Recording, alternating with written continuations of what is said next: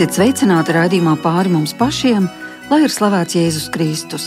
Studijā Inte Zēgnere un šo vakaru aicinu pavadīt kopā ar viņa eminenci, kardinālu Jāni Pujātu, kurš vakar Sāpju Dievmātes baznīcā piedaloties visu konfesiju bīskapiem un mūsu valsts prezidentam Egilam Levitam, svinēja savu 90 gadu jubilejas pateicības svēto misiju. Viss viņa mūžs ir veltīts kalpošanai cilvēkiem, un šis ceļš tika izvēlēts jau agrā jaunībā, 21 gada vecumā, laikā, kad pret ticību padomju iekārta vērsa āsus uzbrukumus, garīdzniekiem aizliedzot kalpot un slēdzot arī Rīgas garīgo semināru. Iesvētīšana par priesteri toreiz notika slepeni, un tūlīt pat sekoja arī nosūtījums kalpošanai draudzē, un kopš tā laika ir pagājuši 70 gadi. 1991. gadā Jānis Pujats tika ordinēts par bīskapu, bet vēl septiņus gadus vēlāk pāvests Jānis Pāvils II viņu iecēla kardināla kārtā. Šobrīd eminence dienu dienā turpina kalpošanu Rīgas sāpju dievmātes baznīcā un savu izvēli ziedot mūžu dievam un cilvēkiem nemirkli nav nožēlojis. Un arī par varoņu darbu to neuzskata, jo viņa prāt vislielākā laime ir piepildīt to misiju, kādai tu šai pasaulē esi aicināts. Vakar dzimšanas dienā kopā ar garīgās kārtas pārstāvjiem viņa eminences svētkos sveikt bija ieradies arī mūsu valsts prezidents Egils Levits, pasniedzot kardinālam valsts prezidenta cildinājumu rakstu un medaļu. Sirsnīgi sveicu jūs nozīmīgajā 90 gadu jubilejā. Esmu pārliecināts, ka jūs šodien varat ar prieku atskatīties uz aizvadītajiem gadu desmitiem un būt patiesi gandarīts par paveiktajiem darbiem un to nestajiem augļiem. Mūsu Latvijas valsts ir tikai nedaudz vecāka par jums, un jūsu dzīves ceļš ir nesaraujami savijies ar mūsu valsts likteņiem. Jūs, kā katoļu garīdznieks, esat bijis kopā ar savu tautu smagajos okupācijas gados, kad Latvija nebija brīva un arī cilvēku ticības brīvība un baznīcas darbība tika būtiski ierobežota. Var apbrīnot jūsu paudzes garīdznieku ticības spēku un pārliecību, izvēloties savu kalpošanas ceļu apspiestības gados un spēju uzturēt cilvēkos ticību un kristīgās vērtības. Katoļu baznīcas darbība arī okupācijas gados un saglabātie kontakti ar Svēto krēslu ļāva saglabāt un stiprināt mūsu cilvēkos arī ticību Latvijas neatkarības un brīvības atgūšanai.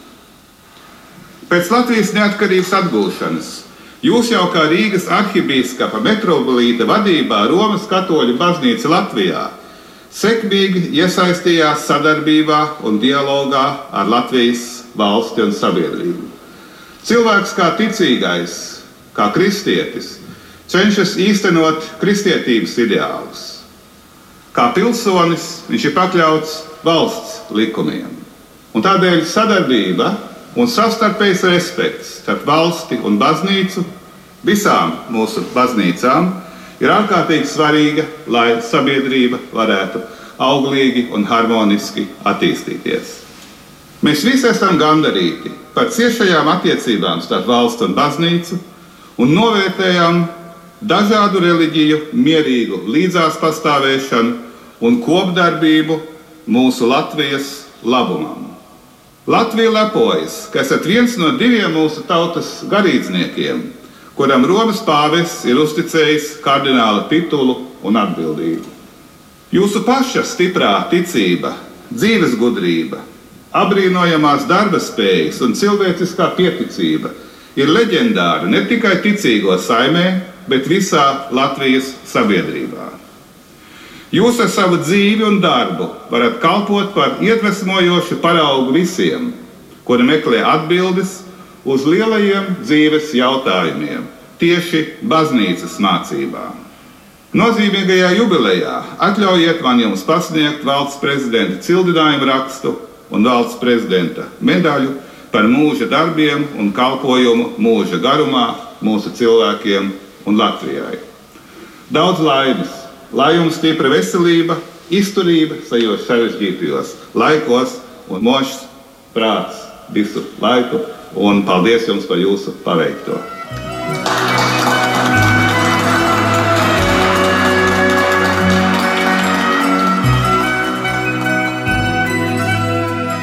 Pie svētkiem dievnamā mēs vēl atgriezīsimies, bet šobrīd uz sarunu aicinām pašu jubilāru kardinālu Jāni Pujatu.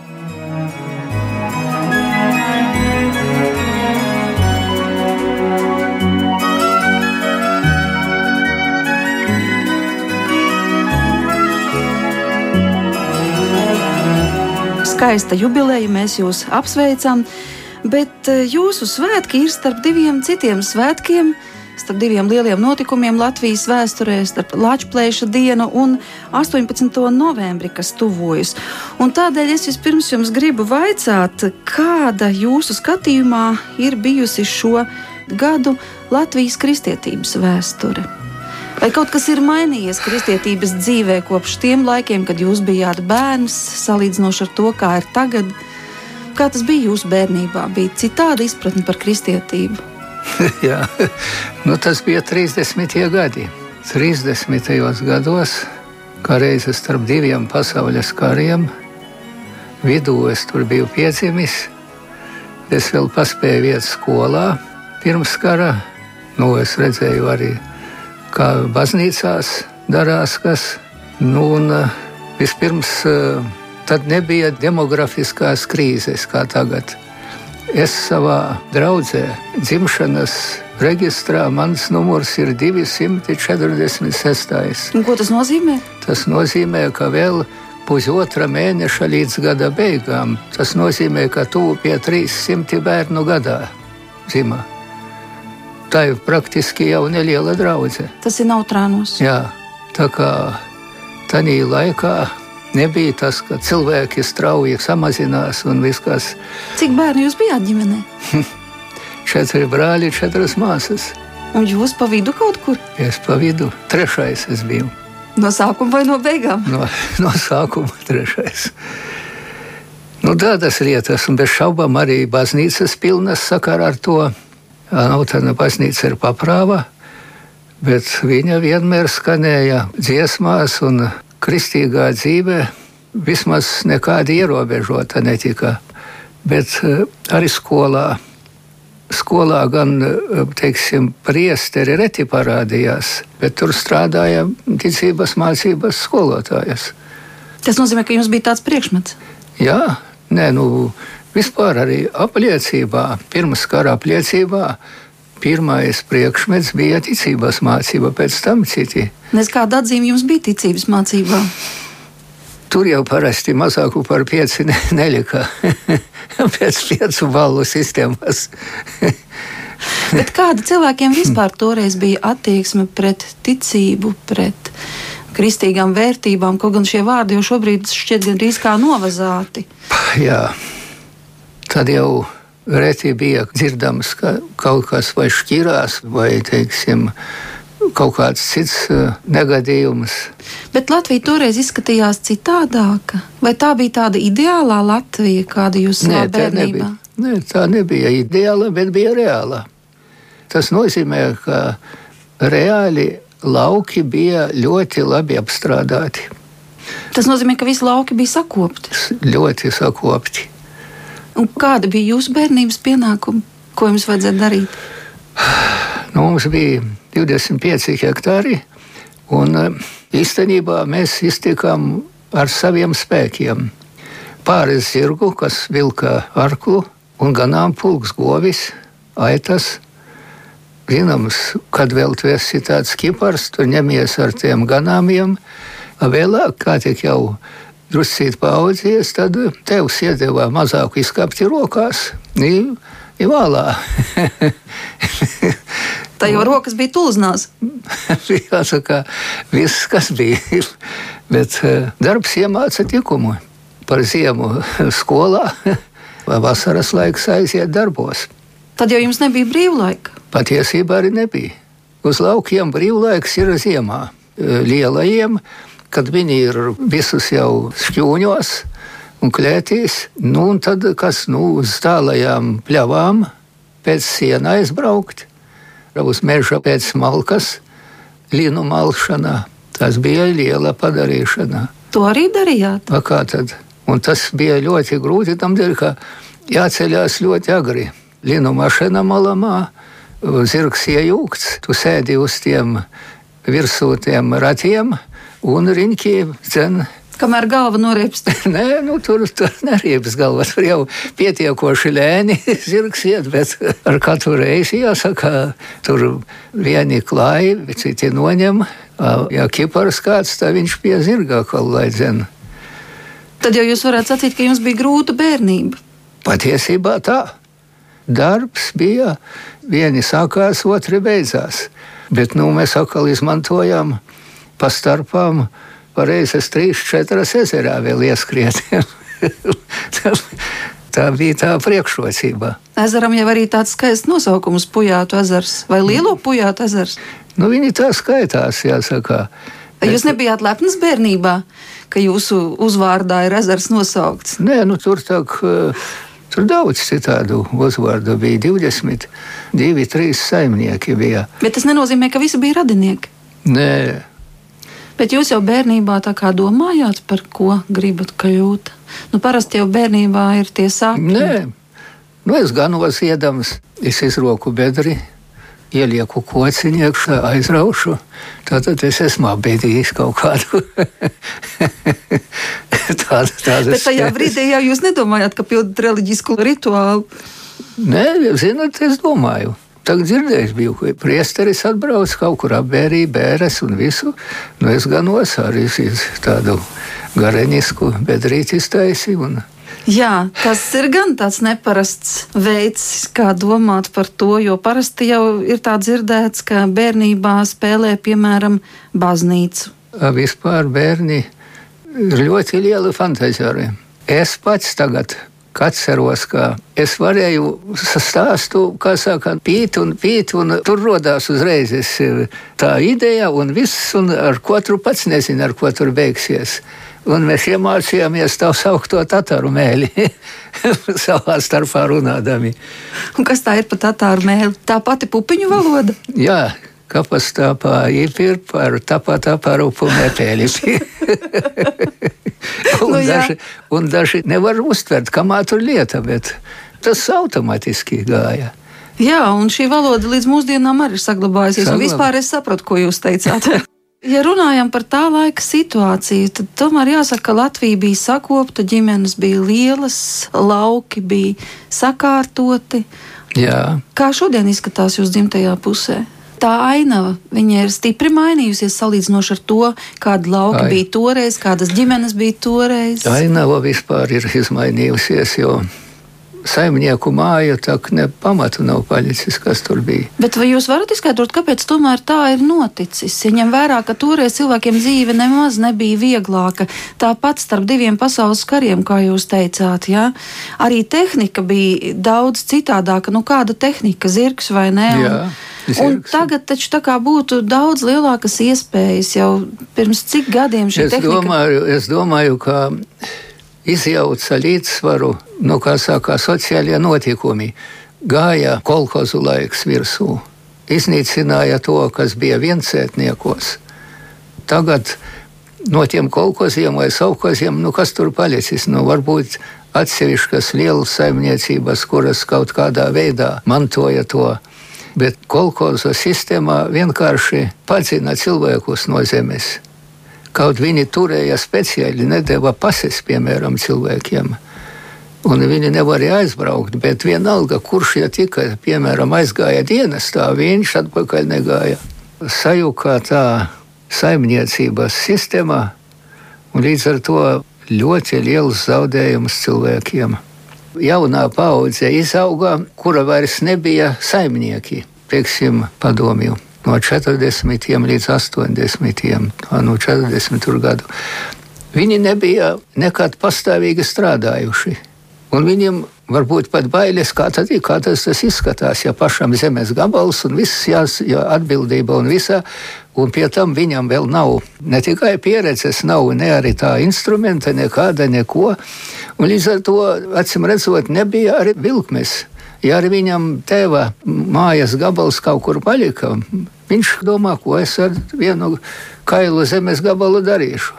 Būtu sapnis redzēt linu ziedu lauku, vai redzēt, kā rūci viļņojās un kūpa zieda laikā.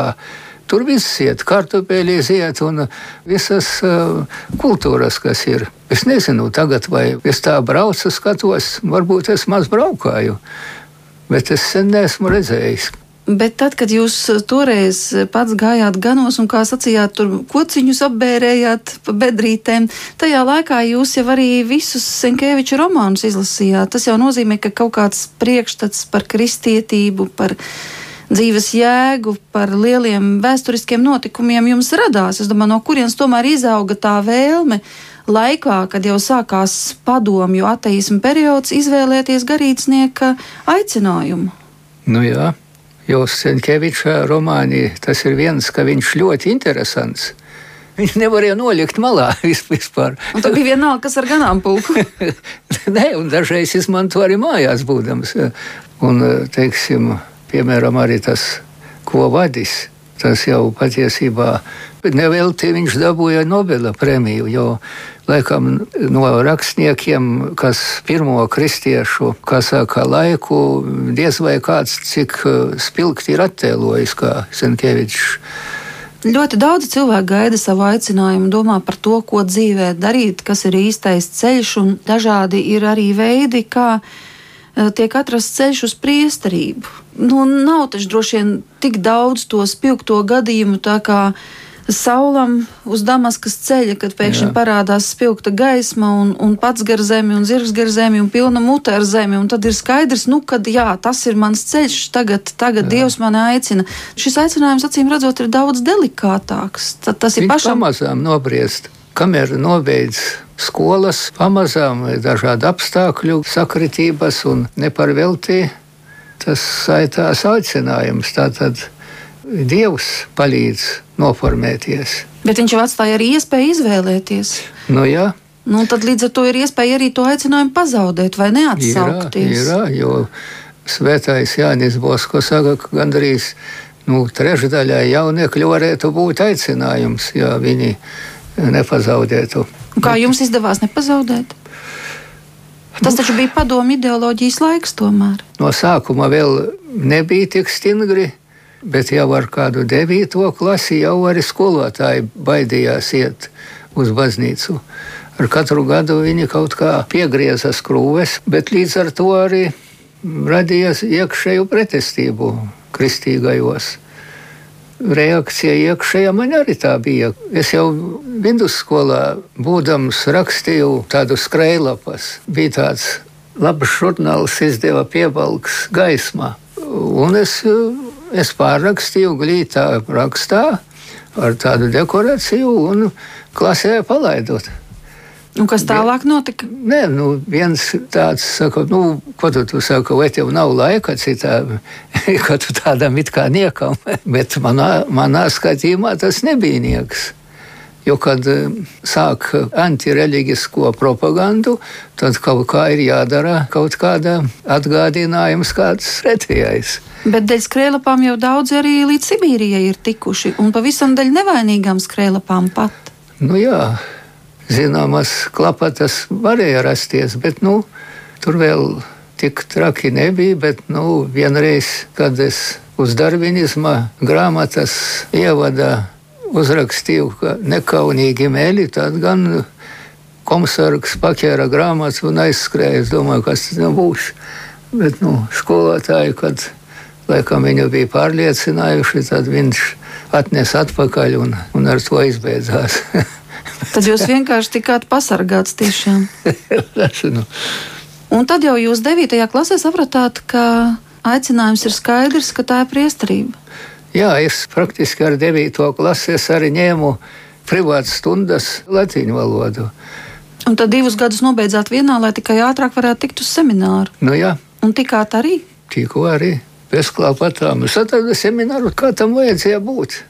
Tad jūs bijāt semināra dzīvē gatavs. Jā. Bet drīz vien semināru aiztaisīja ciet, jums jau nemaz neļāva viņu pabeigt īstenībā. Nu jā, pēc divu ar pusi gadiem atbraucām no Ziemassvētku brīvlaikā. Nu, pateica, ka čemodānus nav jāpako laukā, jo seminārs ir aizsvēgts un tūlīt, lai gatavojoties uz diakonātā svētībām. Nu, tad mūs iesvētīja par diakoniem 3., 4. un 5. kursā, kas bija un palaida pie draugiem, lai mācās un gatavojās uh, privātā veidā, lai gatavojās pie priesteriem uz, uh, uz tālākām rīkojumiem. Un tas nozīmē, ka tā visa tālākā darbība bija slepus, tā kā pagrīdē, jo oficiāli garīgais seminārs nedrīkstēja pastāvēt, un arī Jā. iesvētīt par priesteriem patiesībā nedrīkstēja. Arhibīskaps Frankovičs tāpēc arī steidzās. Viņa baidījās, ka vispār nevienu priesteri vairs nereģistrēs. Varēja tā gadīties. Bet iesvētīja par priesteri jūs tomēr slepeni. Jā. Tas bija Staļina laiks toreiz vēl. Staļina, jā. Nu, un, nu, es jau biju pieradis strādāt e, pastāvīgi. Bet no savas ģimenes jūs jau neesat vienīgais garīdznieks. nu jā, divi, divi brāļi. Patiesībā trīs brāļi kļuva par garīdzniekiem. Nu, Kā jūs vērtējat to laiku, kas bija no vienas puses grūts, jo tomēr garīdznieki tika izsūtīti, daudzi neatgriezās, un nemaz tik viegli nebija. Jūs pats teicāt, skolotāji nevarēja iet uz atklāti uz dievnamu, un visur bija tomēr sūdzētāji. Un nu. E, nebija tas tik vienkārši. Atceros arī kādreiz bērnu sagatavošana pirmajai svētajai komunijai notika aiz aizslēgtām durvīm baznīcā. No pirmajiem gadiem vēl varēja arī atklāti pulciņā. Viņi sāka piegriezt jau, kad jau bija pabeiguši to cīņu ar partizāņiem un visam, kad vairs jau jākās nebija ar ko cīnīties, tad jau sāka reliģiju spaidīt. Vispirms aizliedza bērnus mācīt, pēc tam aizliedza ministrantus, vispār arī koristus līdz 18 gadiem. Vispār jau līdz beidzamajam bija, kad jau vairs nevarēja piesaistīt eh, jaunākus par pilngadīgiem eh, jebkādā nu, aktivitātē baznīcas. Nu, tā tas cīnījās. Nu, Bet toties jums ar brāļiem bija sava īpaša rūpala, ja tā varētu sacīt. Jo jūs nu, bijāt nolēmis izdot grāmatiņas, lūkšanu grāmatas nelegālā nu, veidā, ko krieviski sauktu samizdāt, respektīvi pagrīdes jā. veidā iespiest lūkšanu grāmatas, kuram tad radās tā ideja, ka to vajag darīt. Jo būtībā arī tas bija riskanti. Nu, jebkuras krēlapa bija riskanta. Jā, jā, tas jau bija faktiski, jo tas jau vairs nebija vienkārši skrejlapa, tas jau bija jau zināmā mērā rūpniecisks vai profesionāls vai kāds, jo vesela grāmata tur jau, ja kādu noķēra, tad jau katru lapu reģistrējat un par katru lapu grēku pieskaitiet. nu, pants bija garantēts. nu, skaidrs. nu, droši vien liels prieks bija, kad iz, izdrukājās pirmā lapa, ka tā lieta iet. Nu, jā, Bet kur jau... tad notika tie drukāšanas darbi, vai tiešām Rīgā, tepat visiem deguna galā? Nē, nu, Tas jau bija aizgādāts uz Latviju, Andrupenē un Vārkavā, divās draudzēs, kur brālis strādāja par prāvestu. Es biju vainīgs pie tās mašīnas taisīšanas, un viņš pie drukāšanas un grāmatas iešanas. Un cik tad grāmatas izdrukājāt tādā veidā? 5000 eksemplāru. Un tad, kad tās grāmatas bija gatavas, tad kur jūs viņus likāt? Ar mašīnu vadājām pie prāvestiem. Bet tas nebija tā nu, aizdomīgi. Taču bija skaidrs, ka var, var atrasties kāds, kurš nosūdzēs, ka lūk, ir parādījušās jaunas drukātas lūkšanu grāmatas, aizliegtas. Nu, mēs jau daudz maz zinājām, kuram var uzticēties. Nu, un, grāmatu visiem vajadzīgs. Nu, viņi ar prieku izdalīja cilvēkiem. Un tik un tā jūs noķērat. Nu, tad jau par vēlu, kad jau viss izdarīts. Ko nozīmē par vēlu? Tāpat jau tātad kaut kādas pēdas bija atrastas, ka jūs tur esat piesaistīts pie tās lietas. Nu, tur jau kaut kur bija, kā saka, manījuši un, un rēķinājuši un redzējuši, ka tur, tur jau bija redzams, kā saka. Ka tas ir roku darbs. Nu, jā. Un ka jūsu roku darbs ar tas bija redzams? Nu, varbūt viņi izskaitļoja, varbūt citādā, kaut kādā veidā. Bet tomēr sauc uz nu, pasaules, noskaidrošanu pasaucam, nolika uz galda tā grāmata. Nu, es redzu, ka tā ir mūsējā. Nu, saka, no kurienes tas? Nu, No ko es saku, vai jūs pārliecināti esat, no, ka tas nav no Lietuvas? Nu, viņi redzēja, ka, ka te saruna nekāda neiz, nesanāks sveiki, pēc mēneša kāda mani no kūrijas padzina par to. Un tai pašā kūrijā vien nācās atgriezties. Jā. Kāds bija jūsu laiks arhibīskapa amatā? Kā jūs pats to redzat? būt eh, galvgalī nekad nav viegli. Nu, lai tas būtu karapulks, vai tā būtu baznīca, vai tas būtu direktora amats kaut vai. Tā ir lielāka atbildība. Nu, kas bija pats grūtākais varbūt šajos gados? Un arī pats skaistākais? Laikam pats grūtākais bija, kad uh, gatavojās pāvesta vizitei un bija jāsagatavo aglona, kas tur par kliekšanu un bļaušanu un un no visām pusēm. Bet Dievs tā sakārtoja, ka. Respektīvi par tiem rekonstrukcijas darbiem. Nu, tagad... jā, vispār tur tikai Dievs. Svētos rakstos ir teikts, ka Jēzus izlūdza no dieva un sauli aizturēja, kamēr viņš tur ar amoriešu ķēniņiem laikam tika galā. Tak, rekonstrukcijas laikā dievs aizturēja lietu no debesīm sākot no maija līdz 15. augustam, neviens piliens nenokritā. Un, ja būtu lietaina vasara, mēs būtu noslīkuši māla dubļos. Un es neparedzu, kādi būtu sekas. Tur nevarētu vairs pāvest uzņemt. Nebūtu aglona vienkārši gatava.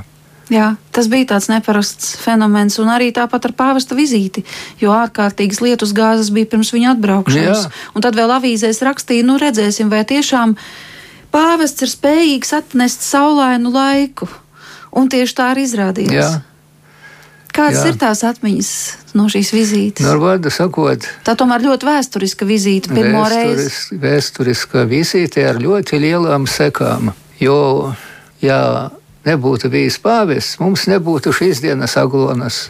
Līdz ar to mums tie gadi, kas tagad viens pēc otrā nesaukti, nebūti cilvēki sabrauc desmitiem tūkstošu. Tas Latvijā ir unikāls gadījums, kad uz dievkalpojumu tik daudz ļaužu sanāk. Un tas nav mazinājies. Patiesībā iesākās ar pāvesta vizīti. 1993. gadā eh, Jānis Pāvils II viesojās šeit bet 98. gadā viņš jau bija pasludinājis jūs par kardinālu. Tā tas bija 98. gads. Jā. Tur bija tāda piebilde, inspektore. Jā, inspektore. Ko tas nozīmē? Burtiski tas ir krūtīs, respektīvi sirdī. Viņš savā sirdī bija pieņēmis šo lēmumu. Jā, tā mēdz būt.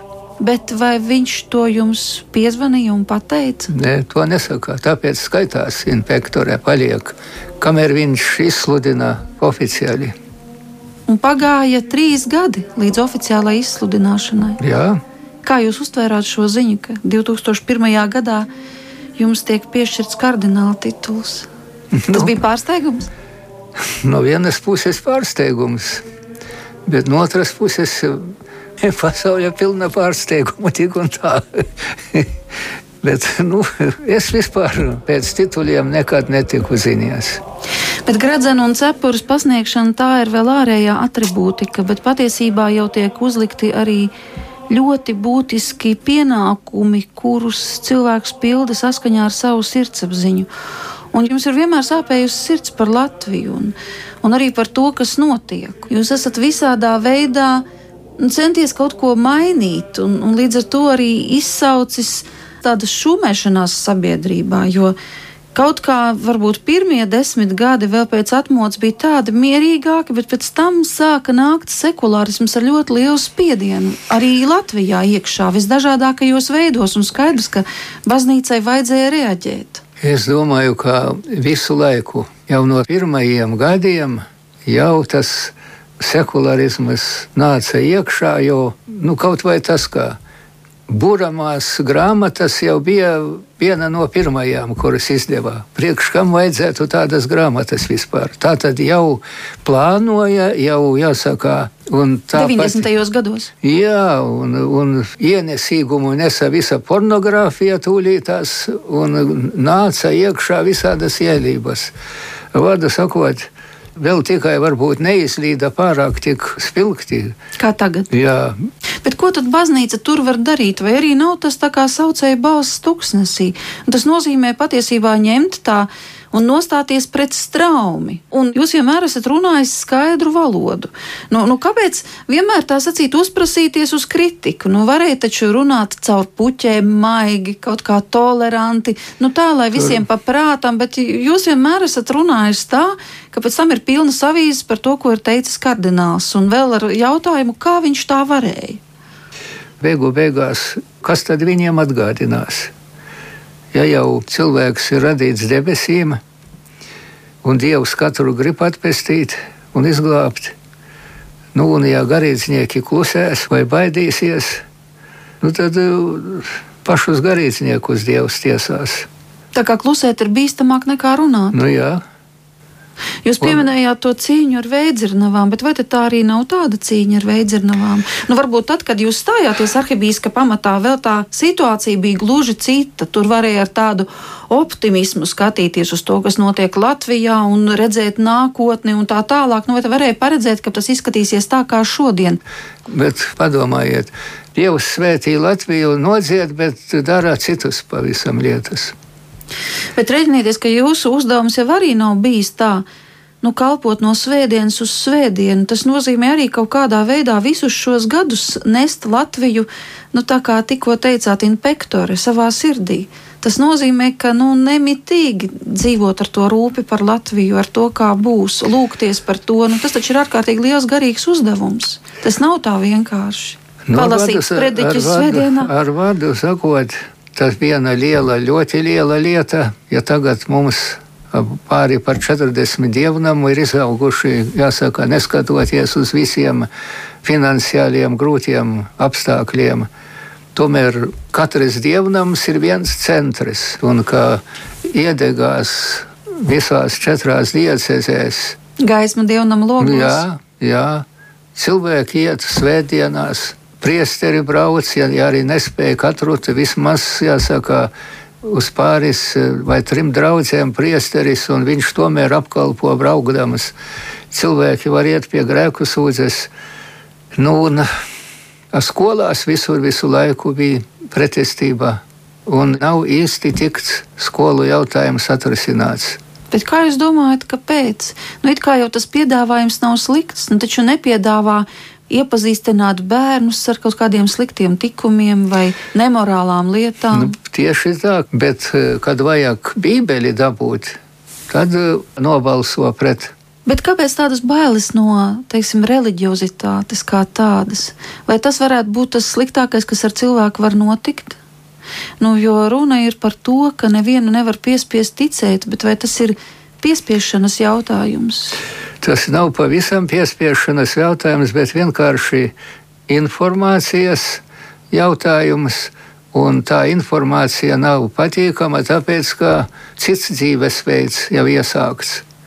Viņš automātiski jau ir noskaņots pret. Jo tas ierobežo viņa brīvību. Nu jā, viņiem ne jau tur ir brīvība ierobežo, bet vienkārši izlaidība. Jo brīvība, kas ir brīvība tad, kad viņš var netraucēt izvēlēties. Tad ir brīvs cilvēks, bet kad esi jau septiņos grēkos iepinies, tu jau neesi brīvs nekāds. Tev vairs nav izvēle, tu, tu skrien tāpat kā ragavas iesitušas sliedi. Tu vairs nevari tikt no tās sliedes laukā. Tu sēdi tajās ragavās, un, un tā tas ir. Bet vai jūs tiešām domājat, ka piemēram, Bībeles mācības ieviešana skolās kā priekšmets nu, varētu kaut ko līdzēt. Jo tik un tā cilvēks klausieties, dzīvo... klausieties, tur tūlīt nostāsies tas jautājums, vai jūs pielaižat teoretiski tīri, ka tāds dievs eksistē? Viņi teiks, jā, nu un tad. A, ja viņš jau pielaiž, ka jā, tad jau tas ir ļoti liels solis uz priekšu. Tas uzreiz atver daudzām idejām ceļu uzreiz atver. Tad jau viņš rēķinās, apdruktas pasaules radītājs ir. Tas nozīmē, ka ir elle, ir debesis. Pavisam citi atvēršņi atverās un sāk cilvēks domāt. Tur nevajag daudzi. Tur tikai vajag no zinātniskā viedokļa, ja bībeli lasot, viņš sāks domāt, bet pašreiz viņam, viņam ir iegājis, jā, nu nav, nu neredzēt, nav ar, nu, nav viecer un aiziet lieku reizi vēl kaut kur, nu, viss. Nu, labi, vienā bībeles stundā jau var pateikt to, jā, un paiet tā viena bībeles stunda, un dzīve turpinās Pieti... tāpat kā līdz šim.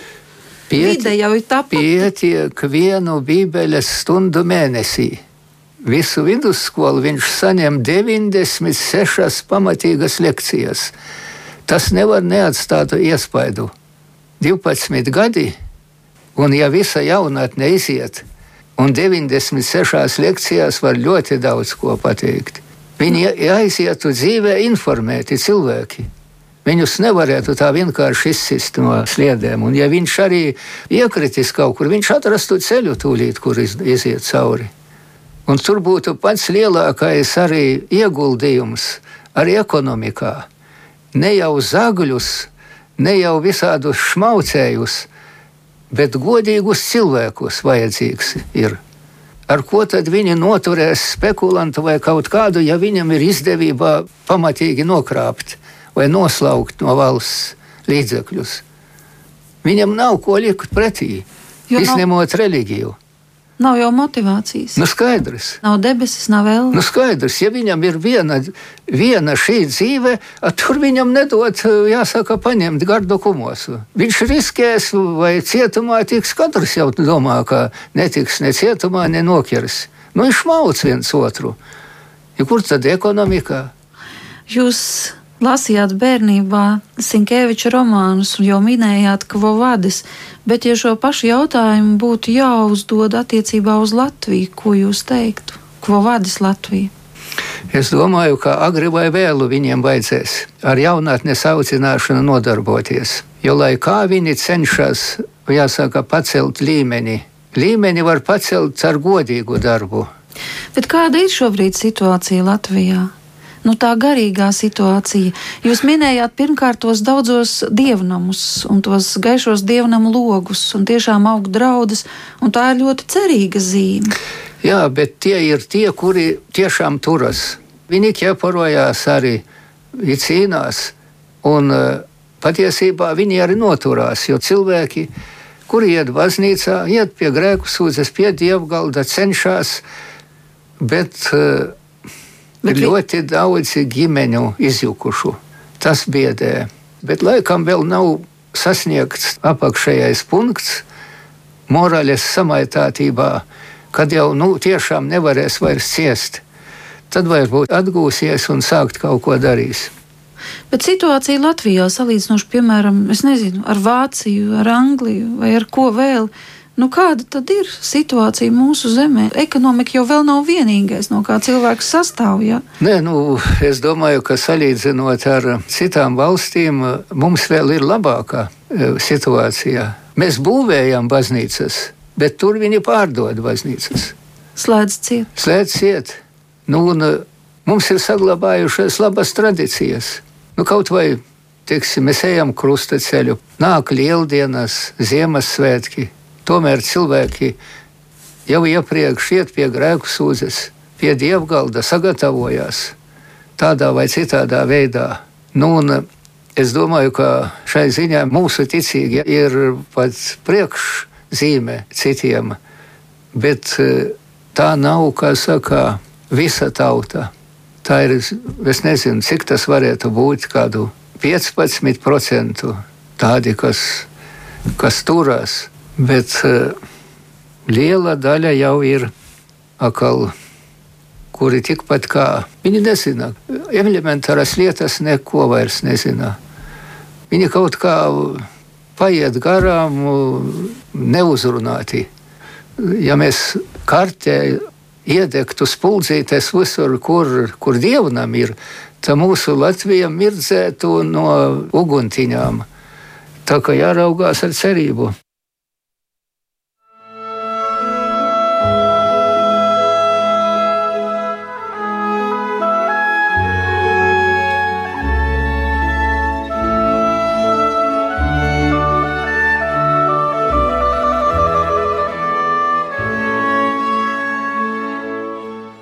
Bet tagad atgriezīsimies uz mirkli dievnamā, kur vakar tika iedegta gaisma, svinot pateicības svēto misi kardināla Jāņa Pujata dzimšanas dienā.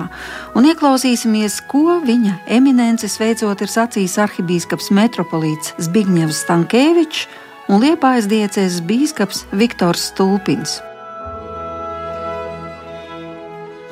Šodien mēs visi lūdzāmies par jums šo svēto misiju, upurēju jūsu nodomā un uh, lai Dievs svētī jūsu arī turpmāko kalpošanu. Un mēs izvēlējāmies tādu moto, tā kā rezumējot jūsu līdzinējo kalpošanu, tas ir no Psalma 89. Par kunga žēlsirdību es dziedāšu mūžam. Un uh, mūsu metropolijas vārdā vēlos jūs sirsnīgi sveikt šai jubilejā un pateikties par izcilo ieguldījumu. 30 gadus jūs esat bīskapa amatā, no tiem 70 un 20 būdams kardināls. Un baznīca jums ir uzticējusi patiešām daudzus atbildīgus uzdevumus. 20 gadus jūs bijāt Rīgas katoļu garīgā semināra pasniedzējs, audzinot jauno priesteru maiņu.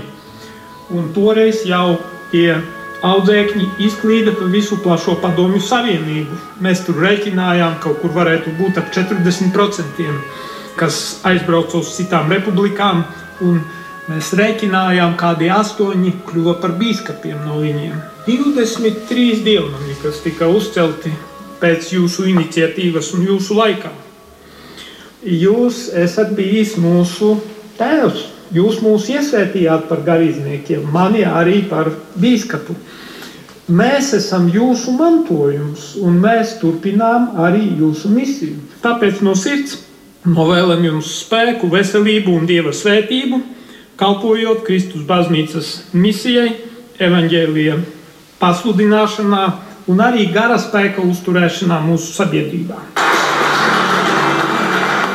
Es domāju, ka daudziem priesteriem ne tikai Latvijā, bet arī ārpus Latvijas, domāju, ir eh, iemesls lepoties ar to, ka viņi ir mācījušies mūsu Rīgas garīgajā seminārā, kur jūs bijāt arī kā inspektors, kur jūs bijāt kā pasniedzējs.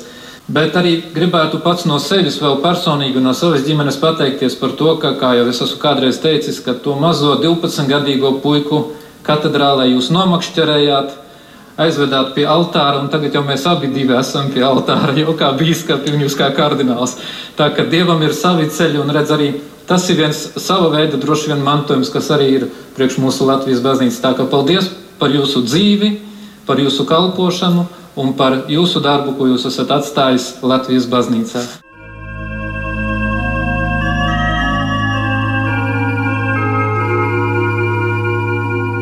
Un vēl dažos apsveikumos gribu padalīties ar tiem, kuri vakar dievkalpojumā nebija, un atgādināt Latvijas evaņģēliskās Lutheriskās baznīcas arhibīskapa Jāņa Vanaga vārdus un arī Latvijas Baptistu draugu savienības bīskapa Kaspara Šterna sacīto. Jūs eminence tā ir pieņemts sacīt, bet man gribētos meklēt vēl kādus citus vārdus, kas raksturotu vairāk mūsu attiecības.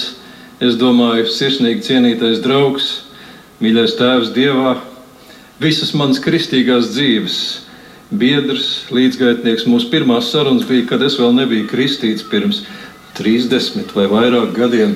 Un šajos gados, mīļais kardināl, jūs esat bijis priekšzīme un paraugs un apliecinājums tam, ka cilvēks var no sirds sacīt vienu ļoti grūtu lūgšanu, kur man ir mīļa, bet viņa nav viegli sacīt no sirds. Tā nobeidzas ar vārdiem: Tu visu man devi, kungs, tev es to atdodu. Man dod tikai mīlestību uz tevi līdz ar savu žēlastību, man ar to pietiek. Un šis man ar to pietiek tik skaisti ir atspoguļojies jūsu dzīvē, kur jūs dzīvojat mums priekšā visiem par iedvesmojumu.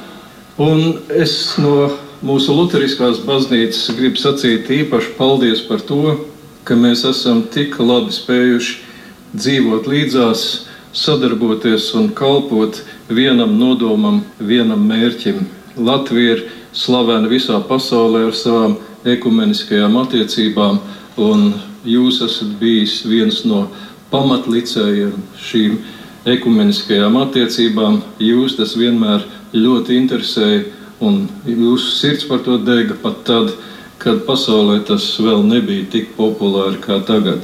Sirsnīgs paldies jums, mīļo kardināli, mīļais skolotāji un priekšzīmes devēji, un lai jums stipra veselība un vēl daudz prieka un gandarījumu jūsu ticības dzīvē. Paldies!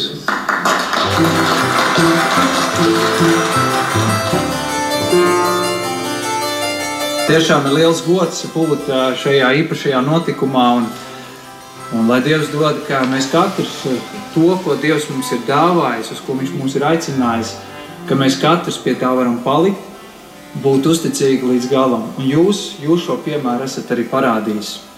Kas vēl parāda jūsu tādu cildenumu un tādu piemēru, ir jūsu vienkāršība un pieejamība. Un mēs eh, jums eh, gribam uzdāvināt tādu dāvanu, tas būs druskuļi saistīts ar to. Tas ir grozs, kurā ir salikti visdažādākie Latvijas labumi. Tas nav sapirkts Rīgā veikalā, bet to ir patiesībā sarūpējuši zemnieki, dārznieki, laukstrādnieki, kas paši mājās to visu audzē. Un tad, kad mēs šo dāvanu sarūpējām, tad uh, bija kādi cilvēki, kas dzirdēja iemeslu, kāpēc mēs to darām. Viņa teica, ja tas ir kardinālam, tad mēs jums dosim to tāpat pavelti. Jo mēs cienām to, ko viņš dara, un mēs ļoti augstu novērtējam. Tas viņam bija liels gods. Un tas tik parāda to, ka jūs esat bijis eh, kā gans, kā kalps, kā cilvēku cilvēks. Paldies jums par to liels! Un tāpat kā tie labumi, kas var dot mums spēku, vitamīnus un mūs atjaunot un palīdzēt iet uz priekšu, lai tas ir kā simbols, ka arī jūs mums Latvijā esat bijis kā šie vitamīni mūsu visai kopīgai sadarbībai. Paldies jums liels, lai Dievs jūs svētī!